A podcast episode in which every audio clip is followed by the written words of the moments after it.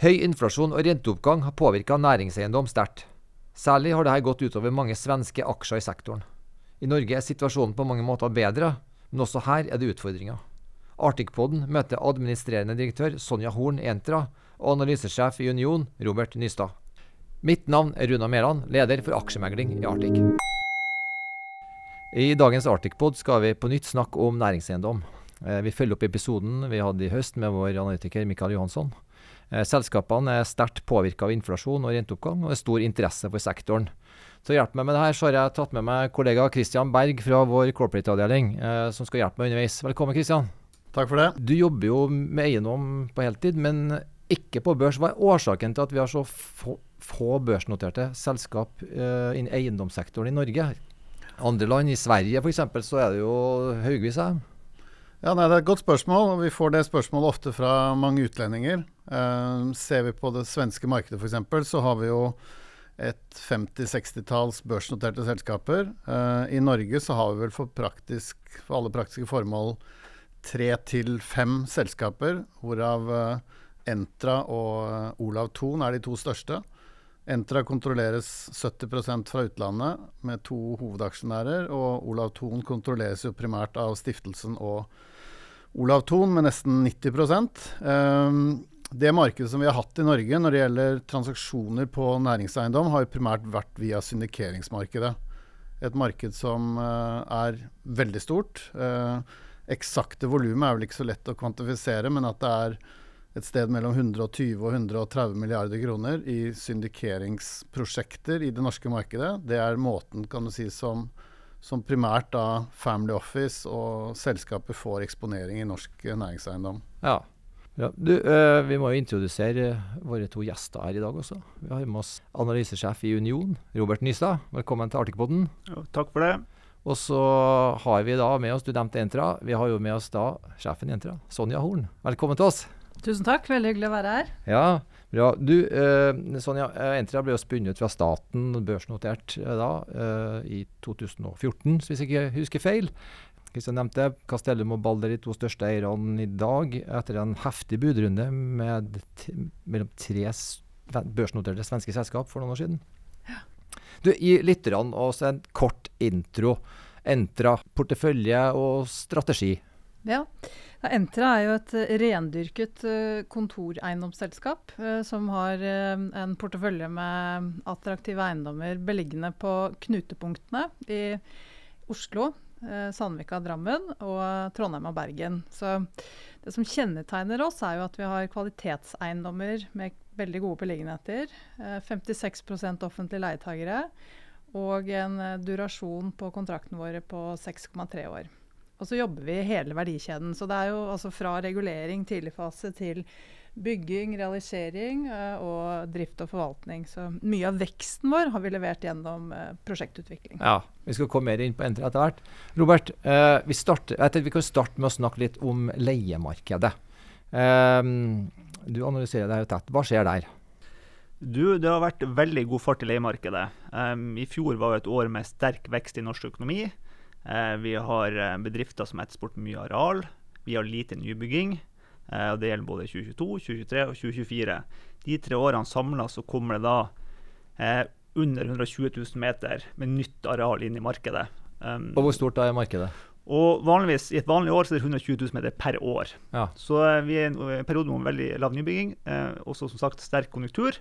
Og så ser vi lite til foreløpig da, at um, bedriftene kutter noe areal Eh, som følge av hjemmekontor. Um, og så står vi kanskje nå ved et grenseskille der man forventer svakere vekst i norsk økonomi fremover. da, uh, og, um, og, kanskje til og med en resesjon. Så vi forventer jo litt avdempa vekst nå uh, det året som kommer. Men uh, fundamentalt underliggende så har markedet vært veldig bra. Ja, og det gjør vel også viljen til nybygg lav? Du kan si eh, Nybyggingen lav av flere grunner. For det første så hadde vi en periode nå under pandemien der det var mye usikkerhet på leiertakersida. Hvordan ser det fremtidige kontoret ut? Vi hadde høye byggekostnader, og ikke minst veldig usikre kostnader eh, på byggesida. Vanskelig å få fastpris. Eh, nå har vi en periode også med stigende gilder. Så det koster mer å bygge, og gilden ved exit er høyere, som gjør at utviklerne blir skvisa fra begge kanter. Og I sum gjør dette at uh, flere prosjekter blir lagt på is eh, inntil videre. Så vi forventer at nybyggvolumet forblir lavt eh, inntil 2025, der det riktignok kommer en del nye prosjekter som allerede er bekrefta. Da får vi bl.a. regjeringskvartalet og Construction City, som er 80 000 meter. og Til sammen kommer det 175 eller noe sånt i 2025. mens i 2026 er det ingen nytt volum som er bekrefta så langt. så i sum så ser dette ganske bra ut på tilbudssida eh, som vi tenker det ligger et bra fundament for at markedet skal komme seg greit gjennom denne da, lavkonjunkturen. Ja, du, du, var så vidt inne på eh, covid, hjemmekontor. Eh, Sonja, har det endra behov for areal? Nei, Vi var veldig spent på det eh, i forlengelsen av covid, og har fulgt veldig nøye med på, på bruken av kontorene. Eh, og Det vi erfarer, er jo at uh, våre leietakere signerer mer eller mindre samme volumet per uh, årsverk. Eh, eller kvadratmeter per årsverk. Men eh, bruken er litt annerledes. Så, så, fra at man tidligere hadde en høyere andel med individuelle pulter, så er det nå mer samhandlingslokale, møterom, sosiale soner. Uh, jeg er mye ute og møter toppsjefer hos våre kunder. og det de er blitt mye mer oppmerksomme og bevisst på, er jo hvilken rolle kontoret faktisk spiller i forhold til organisasjonsutviklingen. Og det bygger kultur. fordi Eh, limet til den ansatte og det som på en måte gjør at du velger å være lojal som medarbeider til et uh, selskap, er jo den sosiale dimensjonen. At du faktisk gjør noe annet enn å bare produsere og motta lønn. Eh, så jeg vil påstå at uh, kontoret aldri har vært mer relevant enn det det har vært etter pandemien. Ja, det, det, det, det må jeg skyte inn. Det kan jeg bekrefte. Jeg sitter jo på et meglerbord. Vi har ansatt noen nye aksjemeglere. unge rett fra skolen og sånt så skal de da inn i et miljø. Mm. Hvis folk har sittet på et hjemmekontor. Det har ikke, du har ikke klart å bygge det i det hele tatt. ikke sant? Du er nødt til å skape kultur, samhandling mellom folk. Ja. Ekstremt viktig. Uh, du, hva med KPI-justeringer, som er på en måte det beauty da, når uh, inflasjonen tar tak? Ja. Så har dere i kontraktene at dere kan regulere opp leia med ja. prisstigninger. Det stemmer. Uh, I Entras portefølje så er det 98% av inntektene som eh, justeres per 1.1, basert på novemberindeksen. Så det betyr jo at vi nå 1.1 fikk en eh, inntektsvekst på 6,5 Um, ehm, og det er en veldig altså, etablert uh, bransjepraksis. Det har uh, uh, vært sånn i alle år. og for oss også som da har offentlige kunder, så er ikke det noe diskusjon. vi fortsetter å fakturere KPI-en, og den ruller inn uten diskusjon. Men det, der er jo kontraktsfesta avtale mellom to parter.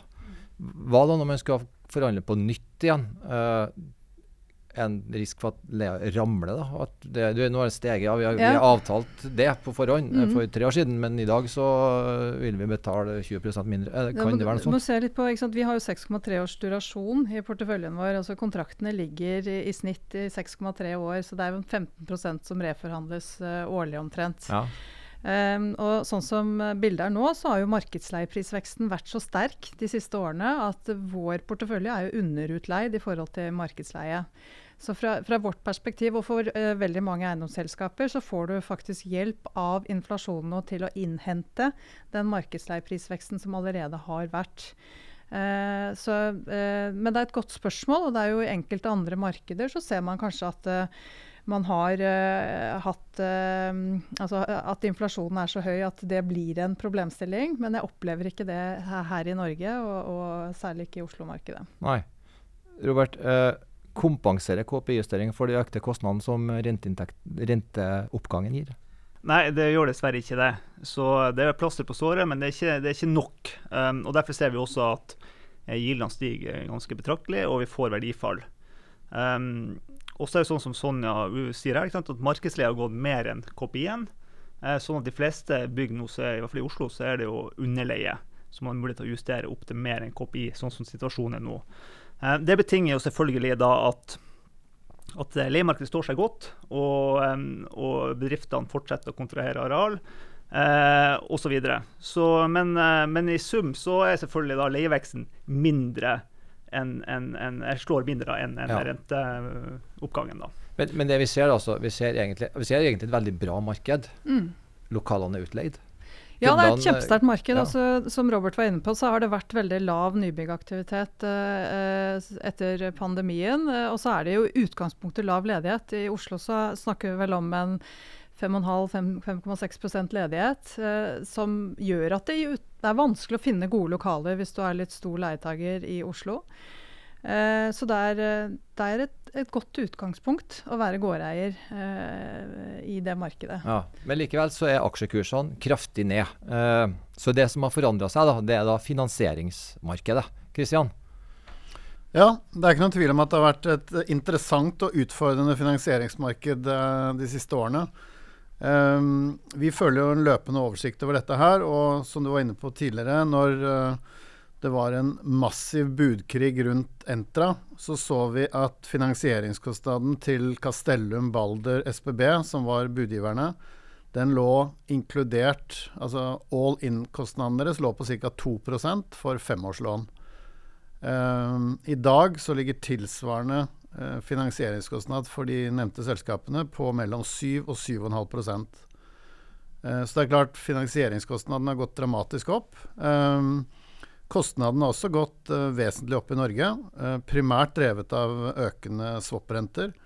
Kredittmarginen på Entra ligger noe høyere nå enn den gjorde ved inngangen til 2022. Men det er klart fortsatt så finansierer jo Entra seg på over 200 punkter Altså 2% lavere enn aksjonærene, hovedaksjonærene deres i Sverige. Så vi ser jo det at uh, finansieringskostnaden, som er noe utfordrende nå på transaksjonsmarkedet, er primært fordi kombinasjonen av de økte rentene og kredittspreddene gjør at det er vanskelig å regne hjem eh, mange gode case. Ja. Vi ser at du begynner å komme emisjoner. Du nevnte jo to selskaper, ja. både Balder og Castellum har jo henta kapital nå i det aller siste. Du var inne på dette med aksjekurser. altså Utfordringen uh, for en del, altså hvis du sitter i London eller New York, uh, eller nordiske aktører for den saks skyld, uh, som sitter med aksjer, og du får kan du si, en reprising av hele sektoren, så tar markedet ganske sånn jevnt brutalt over at man repriser hele sektoren. Det vil si at vi har jo sett at Entra har jo falt like mye som mange av de store svenske børsnoterte selskapene. Selv med en mye bedre finansiell stilling, og i mine øyne også en mye bedre eiendomsportefølje.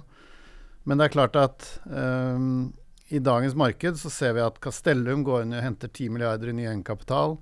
Balder hentet uh, i underkant av 2 milliarder fra et svensk livselskap. De er ute i markedet nå med henter inn ca. 6 milliarder svenske kroner i en konvertibel obligasjon. Uh, eh, SBB gjorde et joint venture med Brookfield, som er verdens største infrastrukturinvestor, hvor de gjorde JV på 46 milliarder svenske kroner.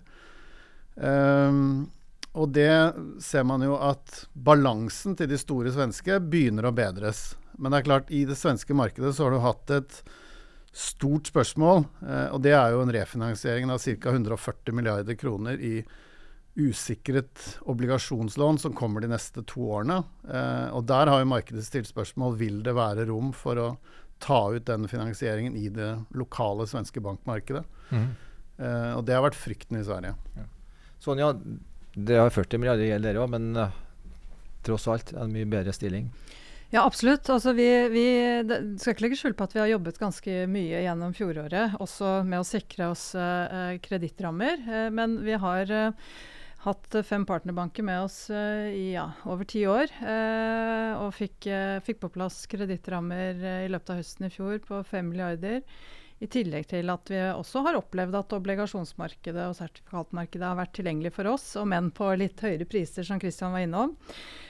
Så Entra har jo sikret seg kredittrammer som gjør at vi håndterer alle gjeldsforfall nesten 18, neste 18 månedene. Og hvis vi bare ser på obligasjonsforfallene, så har vi eh, nå cash og likvider til å håndtere tre år med forfall. Så eh, det har på en måte vært den viktigste oppgaven vår, å sikre at vi står eh, støtt igjennom eh, og håndterer de forfallene vi har. Og det, det, det har vi eh, fått bekreftet gjennom høsten. Ja. Robert, har du noe tilføye på finansieringssiden? Ja, um, finansieringsmarkedet her må vi skille litt mellom det eksisterende gjeld og eksisterende kunder. Da. Jeg opplever at bankene er veldig konstruktive og stiller veldig opp for kundene sine. Selvfølgelig til nye priser, så bankmarginene er typisk opp 40-50 basispunkter. Kreditpåslagene i obligasjonsmarkedet er enda en del mer, eh, men det er ålreit tilgang til gjeld. Eh, litt av utfordringa er selvfølgelig i nye dealer, da, og det ser vi i transaksjonsmarkedet, som vi kanskje skal komme litt tilbake ja, til. Eh, så, så, er det klart at prisen på gjelda har blitt ganske høy. Um, og så henger det ikke helt sammen med, med gildene som det går for i transaksjonsmarkedet for øyeblikket. Noe som gjør, og Vi får litt utfordringer med likviditeten. da. Uh, men gjeldsmarkedet fungerer ålreit i gitt uh, omstendigheter. Og det er ingenting som, som, tyder på at bankene ikke stiller opp for kundene sine. Kristian, hvis vi går over på transaksjonssida, ser du mange som ønsker å kjøpe i markedet her nå? Ja, absolutt. Altså Både i Norge og Sverige så er det mye investorer som er på banen, som ønsker å kjøpe porteføljer. Eh, litt forskjellig igjen fra svenske og norske markedet. Altså De svenske selskapene har jo aktivt vært ute og sagt at de skal redusere gjelden betraktelig. Uh, det er klart Når aksjen handles med 50% rabatt til Nav, så er det bedre å selge uh, eiendom enn å emittere aksjer. Um, men det er veldig mye interesse rundt uh, de svenske porteføljene som selges. Noen stiller jo litt sånn spørsmål med at mange av selskapene er litt uh, tvunget til å selge de beste eiendommene sine og bli sittende igjen med noe som er mindre bra eiendommer. Mens vi ser i Norge, Entra har jo også gjort noen salg, eh, men de har jo en meget attraktiv portefølje fra A til Å. Sånn at å selge eiendommer for de er en ganske enkel prosess. Eh, utfordringen vi ser om dagen, er jo at selvfølgelig eh, noen prosjekter som hvor du kan si at altså I Norge så er det, først, det er ikke noe press i det hele tatt på at Norge liksom må selge ut. Det er ingen store eiendomsselskaper, veldig få syndikater, hvor det er behov for å liksom måtte selge eiendom. Utfordringen er at hvis du tar en eiendom med en GIL på 5-5,5 og selv om du får tak i god bankfinansiering, så er summen av underliggende rentenivå pluss kredittspredden, som gjør at du må finansiere deg på 6-6,5 så klarer du ikke å regne hjem et prosjekt hvor underliggende yield på eiendommen er 5% Da skal du ha ekstremt positiv tro på at du kan gjøre merutvikling på den eiendommen. Så det er det som stopper opp, ikke nødvendigvis tilgangen på finansiering, for den er der. Men det er si, finansieringskostnaden med dagens underliggende swap-renter og kredittmarginer opp mot hvor eiendomsgilen er på i det lokale markedet. Ja. Sonja, dere handla jo god, en god del i fjor. Mm. Uh, hva tenker dere nå?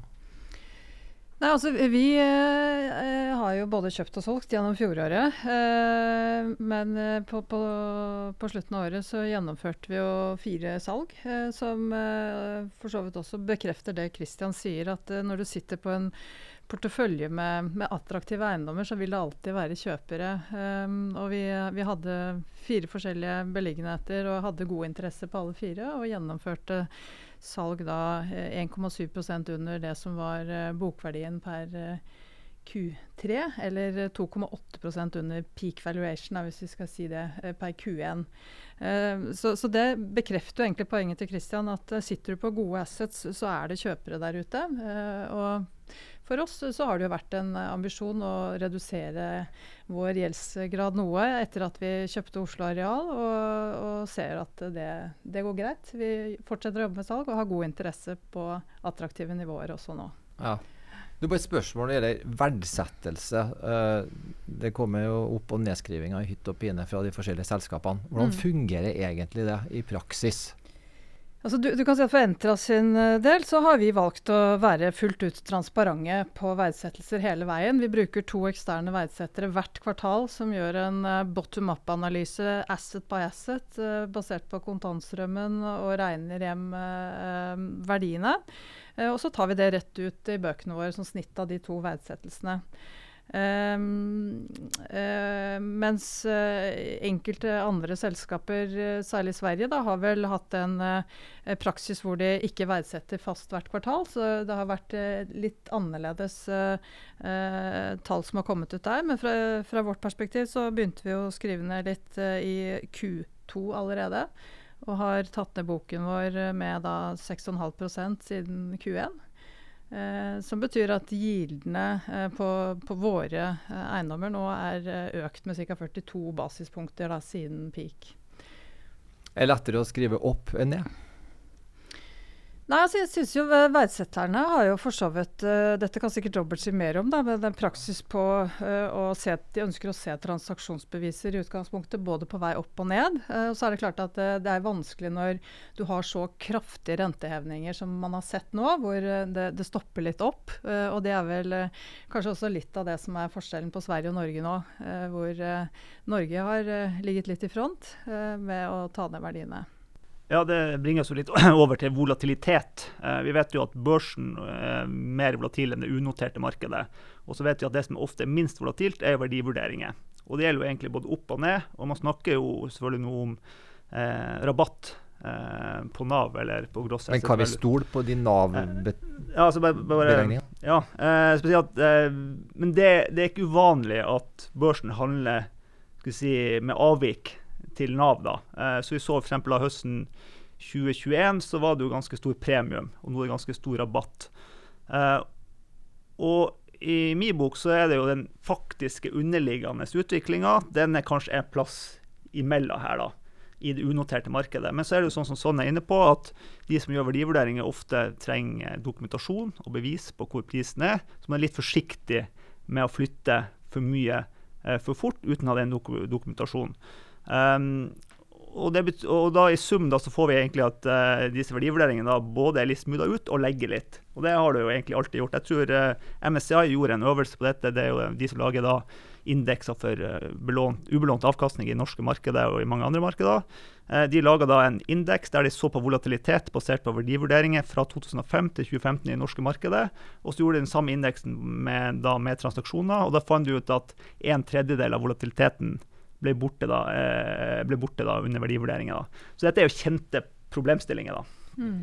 Det er liksom skifte tema, for det er en ting som jeg tror den generelle investoren ikke har tenkt så veldig mye over. Det er eiendom, ESG og miljøkrav. Mm. Uh, Sonja, der har dere uh, jobba faktisk i lang tid. Mm. Men uh, fortell litt der. Ja, Nei, altså Det har vært en fantastisk reise. Entra har hatt uh, miljølederskap som en av tre strategiske pilarer i mer enn 15 år, faktisk. Uh, og vi husker jo Da vi var på, på, roadshow i forbindelse med IPO, så måtte vi jo forklare hvorfor, hvorfor har dere miljølederskap som en av tre. Eh, mens eh, nå er det eh, på en måte et, et absolutt krav at du ligger i front der. Og det kommer jo både myndighetskrav, men også kundekrav i forhold til at man må levere på en troverdig grønn strategi. Så vår bransje er, jo nødt til å forholde seg til at bygningsmassen må oppgraderes. og CO2-utslippene både i driften, men også i eh, ombyggingssammenheng og i nybygg, eh, må ned i årene som kommer. Så Fra Entras perspektiv så har vi en ambisjon om å være net zero carbon innen 2030. så vi har jobbet veldig konkret med å lage en handlingsplan for hvordan vi skal klare å kutte våre egne CO2-utslipp, eh, både i vår forvaltningsportefølje da med 70 og i våre nybyggprosjekt uh, med hele uh, eh, 80% Og da måler vi Det som er spennende, er at vi måler jo uh, utslippene i et livsløpsperspektiv. Så altså, fra du på en måte bygger et bygg, transporten og alt som går inn i å bygge et bygg, 60 år i drift, demontering. Hvilke CO2-utslipp har du på det bygget? der sier vi at vi skal kutte det utslippet med 80% i alle våre prosjekter fremover. Uh, og for å få til det, så må du også da måle karbonregnskapene uh, per bygg og per prosjekt. Uh, og her skjer det masse spennende fremover. og veldig, veldig bra å se også at myndighetskravene kommer, og at taksonomien gjør at kapitalen også flytter seg etter, etter disse kravene. Robert, Kan det bety at en del bygg rett og slett ikke blir mulig å leie ut fordi at de ikke tilfredsstiller de kravene, eller det blir for dyrt å oppruste dem, så du faktisk får en reduksjon i tilbudssida på bygg pga. det her? Ja, Det blir i hvert fall veldig fra eiendom til eiendom. Um, fordi dette er jo i stor grad et CapEx-element. Så de fleste bygg er mulighet til å gjøre, om ikke grønn, så i hvert fall forbedre energiforbruket ganske kraftig. da. Um, og så er spørsmålet hva koster det, og, og hvor mye bygget er verdt. Uh, så klart Har du en bygd som ligger litt usentralt til, og det er verdt 20 000 per meter, og alt ligger i det tekniske anlegget, og du må inn med 5000 per meter da, for å oppgradere det for noen miljøkrav, så begynner det å bli ganske stor andel av verdien. da. Eh, men hvis du har et bygg på sentral beliggenhet der mye av verdien er allokert ned i tomta, og du kanskje har en totalverdi på 80 000 per meter, og du må inn med, med, med fem, så slår det jo mindre. Og kanskje da også i et leiemarked der betalingsviljen og evnen til leietakerne er høyere. da. Så jeg tenker at uh, her kan jo slå veldig fra, fra eiendom til eiendom, men det er klart noen vil nok få uh, litt utfordringer. ja. Kristian, merker du noen ting fra dem som er interessert i å kjøpe akkurat på det området? Absolutt. Det er mye større fokus på det. og det, det er jo, altså Dette med taksonomien er jo noe som, som, har kommet kraftig inn, og som alle begynner å ta veldig inn over seg. Um, det har jo vært et litt sånn uttrykk innen næringseiendomsbransjen i, i, Europa at det har vært litt sånn kick the can. Alle har visst at dette med taksonomien kommer, men liksom enn så lenge så kan vi liksom kjøpe oss litt sånn miljøsertifikater og holde oss utenom. Det som nå skjer, er jo faktisk at under taksonomien så er du pliktig å vise liksom, energibesparende tiltak på byggene. Hva gjør man? Ikke bare det at man har en klassifisering som man har en sånn plakat, plakat på veggen. Uh, Nederland er jo et av de landene som ligger lengst framme på dette i Europa. Og innen veldig kort tid så er det jo f.eks. hvis du har en energiklassifisering under kategori D, så er det ikke lov å leie ut det bygget i løpet av kort tid. Uh, det er klart Nederland ligger langt framme her, men disse kravene kommer også inn generelt under EU. Og vi vet jo at selv om ikke Norge er medlem av EU, så er vi de som tilpasser oss reglene først. Um, så det er klart, om noen år så vil det være en stor utfordring å ha et gammelt, lite miljøeffektivt bygg og rett og slett få leid ut. Hvor du da må gjøre store CapEx-tiltak for å få bygget til å rett og slett ha leietagere. Og det merker vi også på finansieringssiden. Både bankene og obligasjonsinvestorene har mye større fokus på dette nå i forbindelse med nye transisjoner eller refinansieringer. Ja. Da har vi vært innom egentlig leiemarkedet. Det er bra. Eh, kundene eh, følger på og betaler mer for, eh, for eh, husleia. Eh, transaksjonsmarkedet Det er ønsket om å gjøre ting, men, men det er vanskelig å få til. Situasjonen i Norge er veldig annerledes enn i Sverige tenker du Kristian? For Entra sin del så syns jeg at folk, når man snakker om eh, liksom, rabatten som aksjer handles på om dagen, så syns jeg at folk burde titte litt nærmere på porteføljen til Entra. Eh, på kvaliteten. Eh, kontra hvordan eh, mange andre nordiske aksjer handles. Entra har en fantastisk portefølje, men handles fortsatt fordi bransjen handles med en stor rabatt til Nav. Så jeg tror det blir, nå som vi liksom har kommet oss gjennom den første fasen Folk ser nå at de svenske store børsnoterte klarer å få refinansiert porteføljene. Det er ikke så stor frykt med dette berget av usikret eh, refinansieringer. Så tror jeg aksjeinvestorene vil liksom begynne å ha mer og mer fokus på konkret per eiendomsselskap, enn å liksom se på sektoren under ett. da. Mm. Og Der tror jeg nok at uh, Entra vil være en av vinnerne i, i årene som kommer. da. Det er også det vi konkluderte med når vi hadde den forrige podkasten om eiendom. Det var da 13.10. Eh, kursen i har gått 24% siden. Altså det har gått, det har blitt lettere, Sonja? Ja, absolutt. Um, og jeg tenker altså, Vår jobb er jo uh, å jobbe med å levere på strategien vår. Uh, vi, vi, står på hver dag vi, for å uh, Eh, få til god lønnsom vekst i porteføljen vår. Vi har som Christian er inne på, en veldig attraktiv portefølje hvor eh, vi både kan jobbe med å ta ut leieprisvekst og få til spennende utviklingsprosjekter. Eh, akkurat nå så, så, er det mer krevende å få til nybyggprosjekter. Eh, men eh, beliggenhetene våre tilsier jo at eh, markedet kommer tilbake.